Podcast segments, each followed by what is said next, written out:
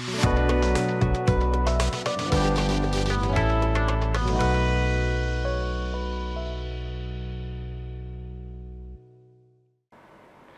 င်္ဂလာပါရှင်မြန်မာပြည်သူပြည်သားအပေါင်းစိတ်ရချမ်းသာခြင်းကိုယ်ရည်ကျန်းမာခြင်းနဲ့ပြည့်စုံကြပါစေလို့ PPTV ဖွဲ့သားတွေကဆုတောင်းမေတ္တာပို့သပါတယ်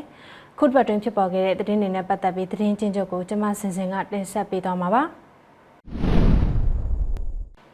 ပထမဆုံးသတင်းအနေနဲ့ပြည်သူ့ကာကွယ်ရေးတပ်ဖွဲ့တွေကိုနိုင်နိုင်နင်းနင်းထိတွေ့ဆက်ဆံပြီးလိုအပ်တဲ့အထောက်ပံ့တွေကိုအချိန်အခါမလင့်စေဘဲစီမံထောက်ပံ့ကြဖို့ NUG ယာယီသမရကတိုက်တွန်းပြောကြားခဲ့တဲ့သတင်းပဲဖြစ်ပါတယ်ရှင်။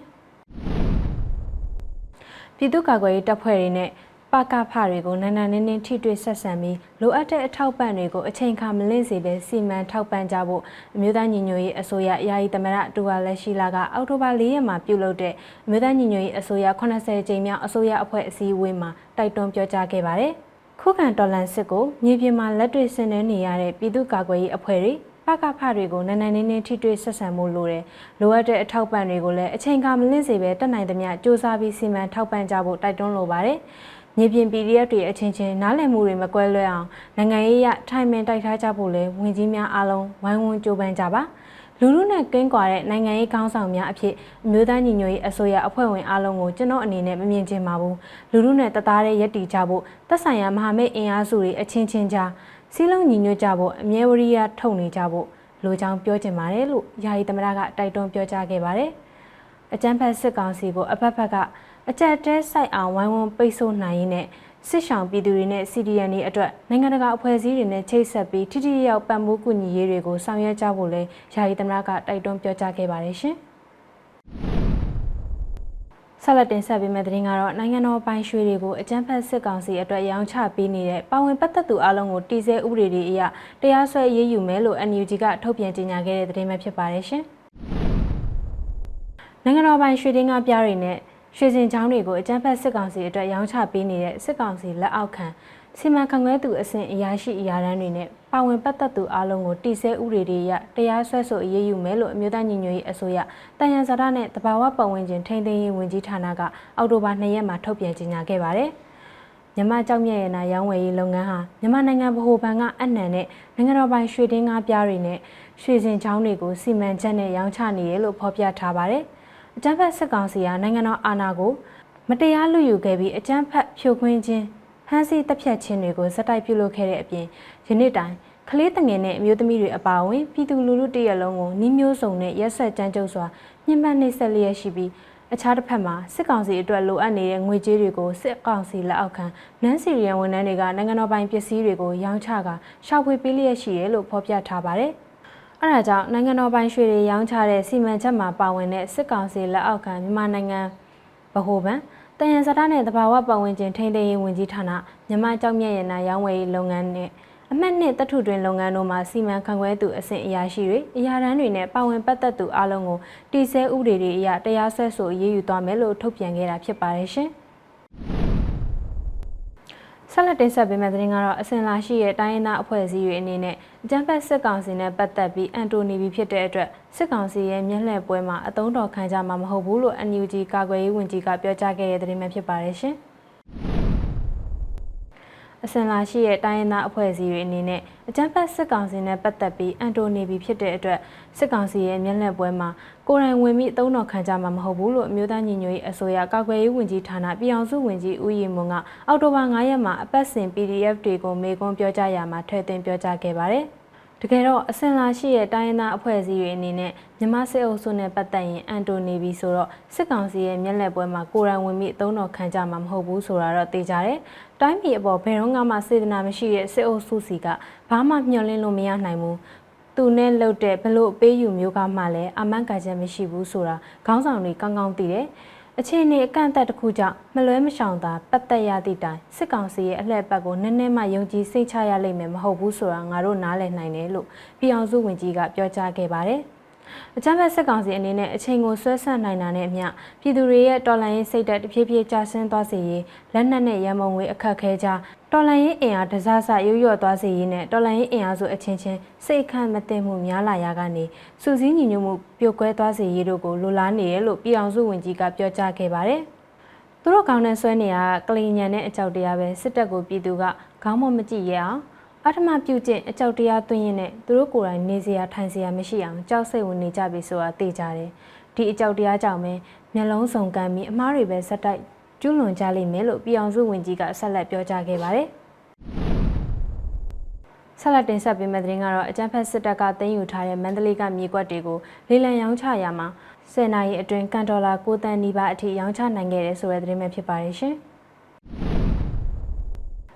အကြံဖက်စစ်ကောင်စီကတင်ယူထားတဲ့မန္တလေးမြို့ကမြေကွက်တွေကိုလေလံရောင်းချရာမှာစတင်ရောင်းချတဲ့နေ့ပထမ10နာရီအတွင်းမှာအမေရိကန်ဒေါ်လာ9တန်းနီးပါးအထိရောင်းချနိုင်ခဲ့တယ်လို့ TN Auditorship ကအောက်တိုဘာ2ရက်မှာသတင်းထုတ်ပြန်ခဲ့ပါတယ်။စီမံကိန်းဗဏ္ဍာရေးနှင့်ယင်းနှိမ့်မြုပ်နှံမှုဝန်ကြီးဌာနကဖော်ဆောင်နေတဲ့ Supreme Mandalay Investment အတွက်မြေကွက်300ကျော်ကိုမြောင်းချမိကပဲကြိုတင်အမှားစာရရှိခဲ့တယ်လို့လည်း TN Auditorship ကဖော်ပြထားပါတယ်။ Supreme Mandalay Investment မြေကွက်တွေကိုချိန်ချိန်တဲတဲဝယ်ယူအားပေးကြတဲ့တော်လန်ပြည်သူအပေါင်းရဲ့တော်လန်ရေးပေါ်ထားတဲ့ယုံကြည်စိတ်ရဲဝံ့စိတ်နဲ့တစ္ဆာတရားဟာတကယ်ကိုအမခမ်းပါပဲအခုစတင်ရောင်းချတဲ့နေ့ပထမ10နာရီအတွင်းမှာဒေါ်လာ8.8တန်ဖိုးရောင်းချထားရပြီးဖြစ်ကြောင်းသတင်းကောင်းပါလိုက်ပါတယ်လို့ EOD ကဖော်ပြခဲ့တာဖြစ်ပါတယ်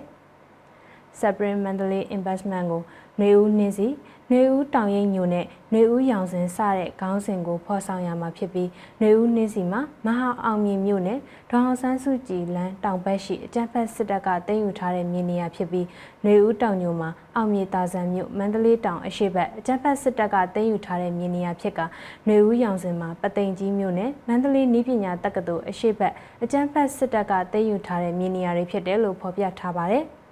DN Auditorship က ပြည်တော်ဝင်ပြီးနန်းသိမ့်မယ်လို့အမည်ပေးထားတဲ့ Supreme Mandalay Investment မှာ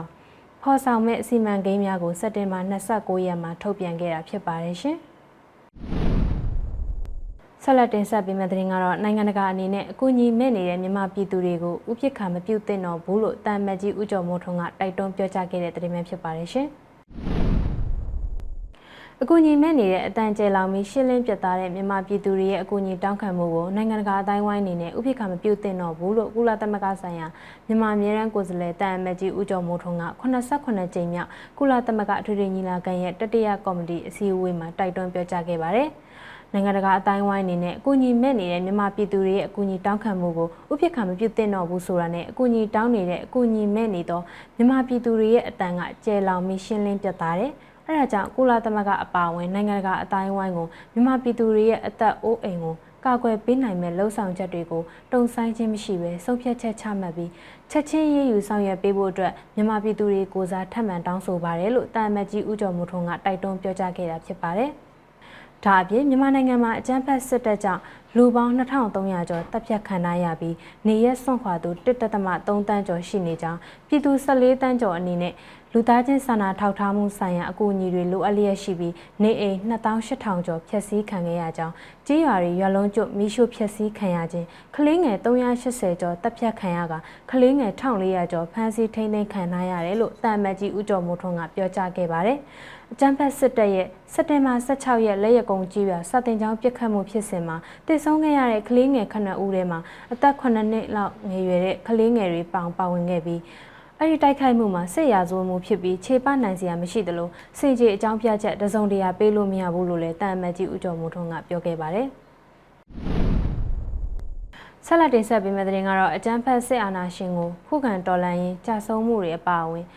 ထိခိုက်နစ်နာခဲ့ကြရတဲ့ပညာရေးနယ်ပယ်တီတီကပုံကိုယ်တွေအလုံးကိုမော်ကုန်းရင်သူရဲကောင်းအဖြစ်သတ်မှတ်ဂုဏ်ပြုတယ်လို့ NUG ကထုတ်ပြန်ခဲ့တဲ့သတင်းပဲဖြစ်ပါတယ်ရှင်။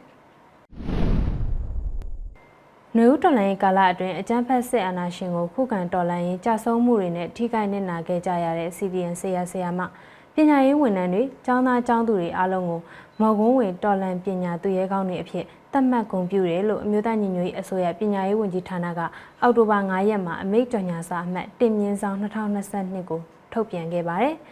မြို့သားညီညွတ်ရေးအစိုးရပညာရေးဝန်ကြီးဌာနက2022ခုနှစ်ကမ္ဘာဆရာများနေ့ကိုဂုဏ်ပြုပြီးຫນွေဦးတော်လှန်ရေးကာလအတွင်းအကြမ်းဖက်စစ်အာဏာရှင်ရဲ့လူမဆန်စွာရက်ဆက်ကြမ်းကြုတ်မှုတွေကိုခုခံတော်လှန်ရေးကြဆုံးခဲ့ရခြင်းကိုလက်အင်ကအစိတ်အပိုင်းများဆုံးရှုံးဆွန့်လွတ်ခဲ့ရခြင်းဖမ်းဆီးထိန်းသိမ်းခံခဲ့ရတဲ့ CDN ဆရာဆရာမ ပညာရေးဝန်ထမ်းတွေ၊ကျောင်းသားကျောင်းသူတွေအားလုံးကိုမော်ကွန်းဝင်တော်လန်ပညာသူရဲကောင်းတွေအဖြစ်ဂုဏ်ပြုသတ်မှတ်ကြေညာလိုက်တယ်လို့ဖော်ပြထားပါတယ်ရှင်။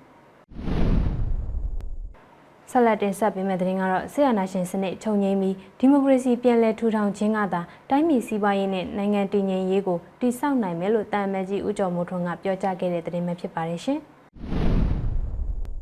ဆီယနာရှင်စနစ်ချုပ်ငိမ့်ပြီးဒီမိုကရေစီပြန်လည်ထူထောင်ခြင်းကသာမြန်မာနိုင်ငံရဲ့စီးပွားရေးနဲ့နိုင်ငံတည်ငြိမ်ရေးကိုတည်ဆောက်နိုင်မယ်လို့ကုလသမဂ္ဂဆိုင်ရာမြန်မာအမြဲတမ်းကိုယ်စားလှယ်တန်မတ်ကြီးဦးကျော်မိုးထွန်းကအောက်တိုဘာ၄ရက်မှာပြုလုပ်တဲ့89ကြိမ်မြောက်ကုလသမဂ္ဂအထွေထွေညီလာခံရဲ့ဒုတိယကော်မတီအစည်းအဝေးမှာပြောကြားခဲ့ပါတယ်။မြန်မာပြည်သူတွေဟာတရားမဝင်စစ်အာဏာသိမ်းမှုကြောင့်စီးပွားရေးအရချွတ်ချုံကျနေပြီးစားနပ်ရိက္ခာမလုံလောက်မှုနဲ့ အိုးမဲ့အိမ်မဲ့ဖြစ်ချင်းတွေအပါအဝင်အလွန်မင်းဆင်းရဲမွဲတေမှုနဲ့ရင်ဆိုင်နေကြရပြီးစစ်အာဏာရှင်များအနေနဲ့တိုင်းပြည်ရဲ့စီးပွားရေးနဲ့နိုင်ငံတည်ငြိမ်ရေးတို့ကိုလှုံ့ဆော်နိုင်တဲ့အနေအထားမရှိကြောင်းစီးပွားရေးပြန်လည်ထူထောင်ရေးနဲ့ဆင်းရဲရင်းကလွတ်မြောက်နိုင်ရေးပြည်သူလူထုကိုပံ့ပိုးကူညီရေးတို့မှာဆီယနာရှင်စနစ်ချုပ်ငြိမ်းပြီးဒီမိုကရေစီပြန်လည်ထူထောင်ခြင်းဖြင့်သာဆောင်ရွက်နိုင်မှာဖြစ်တယ်လို့တန်အမတ်ကြီးကပြောကြားခဲ့ပါတယ်။ပြည်သူများရွေးကောက်တင်မြှောက်ထားတဲ့အယက်သားအစိုးရတပ်တန်းမှာ ပွင့်လင်းမြင်သာမှုရှိပြီးခိုင်မာတဲ့မူဝါဒတွေချမှတ်အကောင့်ထဲဖော်ဆောင်ရွက်ခဲ့ရာနိုင်ငံခြားယင်းနှိမ့်မြုပ်နှံမှုတွေတိတာထင်ရှားစွာတိုးတက်လာခဲ့ပေမဲ့ဖွံ့ဖြိုးမှုအ ਨੇ ဆုံးနိုင်ငံစင်းကလွတ်မြောက်နိုင်မဲ့အလားအလာအပါအဝင်အယက်သားအစိုးရရဲ့ကြိုးပမ်းအထောက်မှုတွေကိုစစ်တပ်ရဲ့တရားမဝင်အာဏာသိမ်းမှတ်မှုကအလုံးစုံတားဆီးပိတ်ပင်ခဲ့တယ်လို့လည်းတန်အမတ်ကြီးကပြောကြားခဲ့ပါတယ်။မြန်မာပြည်သူတွေရဲ့ကြိုးပမ်းအားထုတ်မှုတွေကိုလှုပ်ဆောင်နိုင်ရေး နိုင်ငံတကာအတိုင်းဝိုင်းစီကခိုင်မာပြီးထိရောက်တဲ့ပံ့ပိုးမှုတွေကိုမရှိမဖြစ်လိုအပ်လျက်ရှိရာမြန်မာပြည်ငြိမ်းချမ်းရေးနဲ့စင်ဆက်မပြတ်ဖွံ့ဖြိုးတိုးတက်ရေးပန်းနိုင်တွေကိုအောင်မြင်စွာအကောင့်ထဲဖော်ဆောင်နိုင်ရေးတို့အတွက်ထိရောက်တဲ့ပံ့ပိုးကူညီမှုတွေတိုးမြင့်ဆောင်ရွက်ဖို့လဲတာအမတ်ကြီးကဆက်လက်တိုက်တွန်းပြောကြားခဲ့ပါတယ်ရှင်။ဆက်လက်တင်ဆက်ပေးမယ့်သတင်းကတော့ Sabrin ရန်ကုန်စီမံကိန်းကနေမြေကွက်ရောင်းချမှုက69ရာခိုင်နှုန်းအထိရှိထားပြီးတော့ American Dollar 16တန်းကျော်ဖို့ရောင်းချထားတယ်ဆိုတဲ့သတင်းပဲဖြစ်ပါတယ်ရှင်။ မြို့သားညီညွတ်ရေးအစိုးရစီမံကိန်းဗဏ္ဍာရေးနှင့်ယင်းနှိမ့်မြုပ်နှံမှုဝန်ကြီးဌာနကဖော်ဆောင်နေတဲ့စပရင်းရန်ကုန်စီမံကိန်းကနေမြေကွက်ရောင်းချမှုက69ရာခိုင်နှုန်းအထိရှိထားပြီးတော့ American Dollar 16တန်းကျော်ကိုရောင်းချထားနိုင်တယ်လို့ TN Auditorship ကထုတ်ပြန်လိုက်ပါတယ်။ຫນွေဦးမော်ကွန်းတစ်မြေကွက်ပေါင်း650ဟာရပိုင်းအတွင်းအကုန်ရောင်းချခဲ့ရပြီးလိုချင်မာလျက်နဲ့မရလိုက်သူတော်တော်များများရှိနေတာ FIFA များအရာသိရပါတယ်။ရာနှုန်းပြည့်အောင်မြင်ခြင်းမှာ နေဦးရိတ်မုံမြေကွက်များဆိုရင်လည်းအကွက်တရာဖော်ဆောင်ရမှာ63ရာခိုင်နှုန်းအထိရောင်းချအောင်မြင်ပြီးဖြစ်တယ်လို့ TN Auditorship ကရေးသားခဲ့ပါတယ်။ TN Auditorship အနေနဲ့အမှားစာတွေကိုပြန်လည်စစ်စစ်ပြီးတဲ့အခါမှာ Sabrin Villa မြေကွက်9ကွက်ထပ်ပေါ်လာတဲ့အတွက်ယင်းနှိမ့်မြုပ်နှံသူတွေအတွက်အခွင့်အလမ်းအနည်းငယ်ကျန်သေးတယ်လို့ဆိုပါတယ်။ဒါအပြင် Sabrin Mandalay Investment စီမံကိန်းကလည်း82နာရီအတွင်းဒေါ်လာ10တန်းကျော်ဖို့ရောင်းချပေးနိုင်ခဲ့ပြီလို့လည်း TN Auditorship ကထုတ်ပြန်ထားပါတယ်။ စီမံကိန်းဗဏ္ဍာရေးနှင့်ယင်းနှိမ့်မြုပ်နှံမှုဝန်ကြီးဌာနကနေပြီးတော့ Sabrin ရန်ကုန် investment ကိုစတင်အကောင့်တွေပေါ်ရောင်းချခဲ့ပြီးနောက်ပြည်သူတွေရဲ့တောင်းဆိုချက်အရ Sabrin Mandalay investment ကိုဆက်လက်အကောင့်တွေပေါ်ဆောင်ရွက်ခါမြေကွက်တွေကိုရောင်းချနေရလဲဖြစ်ပါတယ်ရှင်ဆက်လက်တင်ဆက်ပေးမယ့်သတင်းကတော့လျှက်စစ်နဲ့စွမ်းအင်ဝန်ကြီးဌာနရဲ့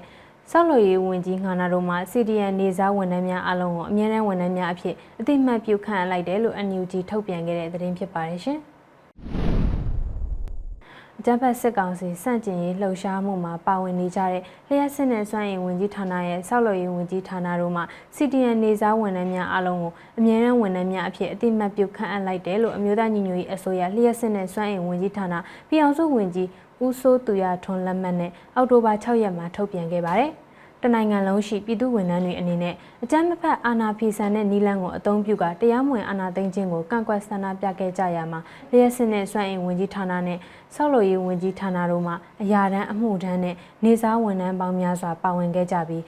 ရာထူးနေရာတွေနဲ့လစာဝင်ငွေတွေကိုဆွန့်လွတ်နေနာခံပြီးအခက်အခဲပေါင်းစုံကိုကြံ့ကြံ့ခံရင်ဆိုင်ကပြတ်သားခိုင်မာတဲ့စိတ်ဓာတ်နဲ့နိုင်ငံတော်အတွက်ပေးဆက်တိုက်ပွဲဝင်နေကြဆဲဖြစ်တယ်လို့ဖော်ပြထားပါတယ်။ ဆောက်လုပ်ရေးဝန်ကြီးဌာနဖွဲ့စည်းခြင်းမပြုရသေးတဲ့ကာလအတွင်းတာဝန်ယူကြီးကြပ်စီမံလျက်ရှိတဲ့အမျိုးသားညီညွတ်ရေးအစိုးရလျှက်စစ်နဲ့စွမ်းအင်ဝန်ကြီးဌာနအနေနဲ့လျှက်စစ်နဲ့စွမ်းအင်ဝန်ကြီးဌာနနဲ့ဆောက်လုပ်ရေးဝန်ကြီးဌာနတို့မှအကြမ်းမဖက်အာဏာဖီဆန်ရေးလှုပ်ရှားမှုမှာပါဝင်နေကြတဲ့သူရဲကောင်းနေစာဝန်ထမ်းတွေကိုချီးကျူးဂုဏ်ပြုတဲ့အနေနဲ့လက်ရှိတော်လှန်ရေးကာလ